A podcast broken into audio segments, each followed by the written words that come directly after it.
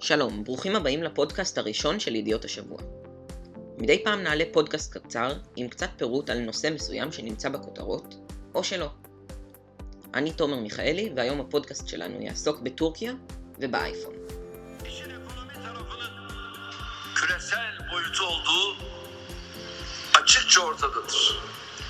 Amerika sadece ülkemizi değil, Çin'den Rusya'ya, İran'dan çok yeri ekonomik bakımdan hedef almış durumdadır.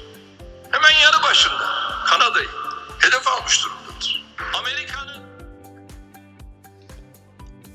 בימים האחרונים נחשפנו למשבר גדול בין טורקיה לארצות הברית, ובמרכז המשבר עומד הכומר האמריקני אנדרו ברונסון, שחי ופועל בטורקיה.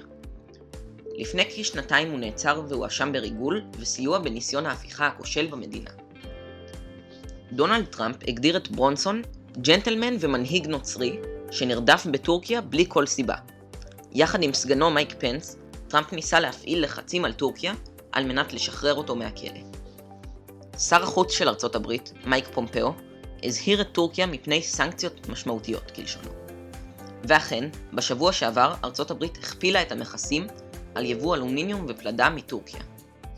המהלך הזה בהחלט השפיע קשות על טורקיה. שווי הלירה הטורקית ירד באופן קיצוני. ב-1 באוגוסט שקל אחד היה שווה 1.36 לירה טורקית, וב-14 באוגוסט שקל אחד עלה 1.73 לירה טורקית. נשיא טורקיה ארדואן תקף את ארצות הברית באופן חריף והטיל חרם על מוצרי אלקטרוניקה מארצות הברית, ובראשם האייפון של חברת אפל. ציטוט: אם יש להם אייפון, במקומות אחרים יש סמסונג. לנו יש וסטל.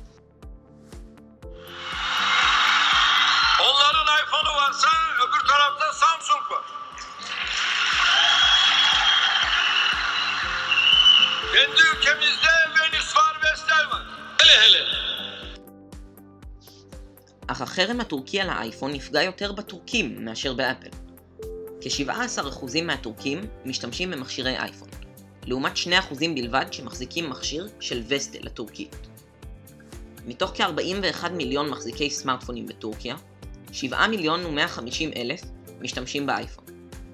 המספר הזה הוא בערך אחוז אחד מכלל משתמשי האייפון בעולם, שעמד בשנה שעברה על בערך 700 מיליון.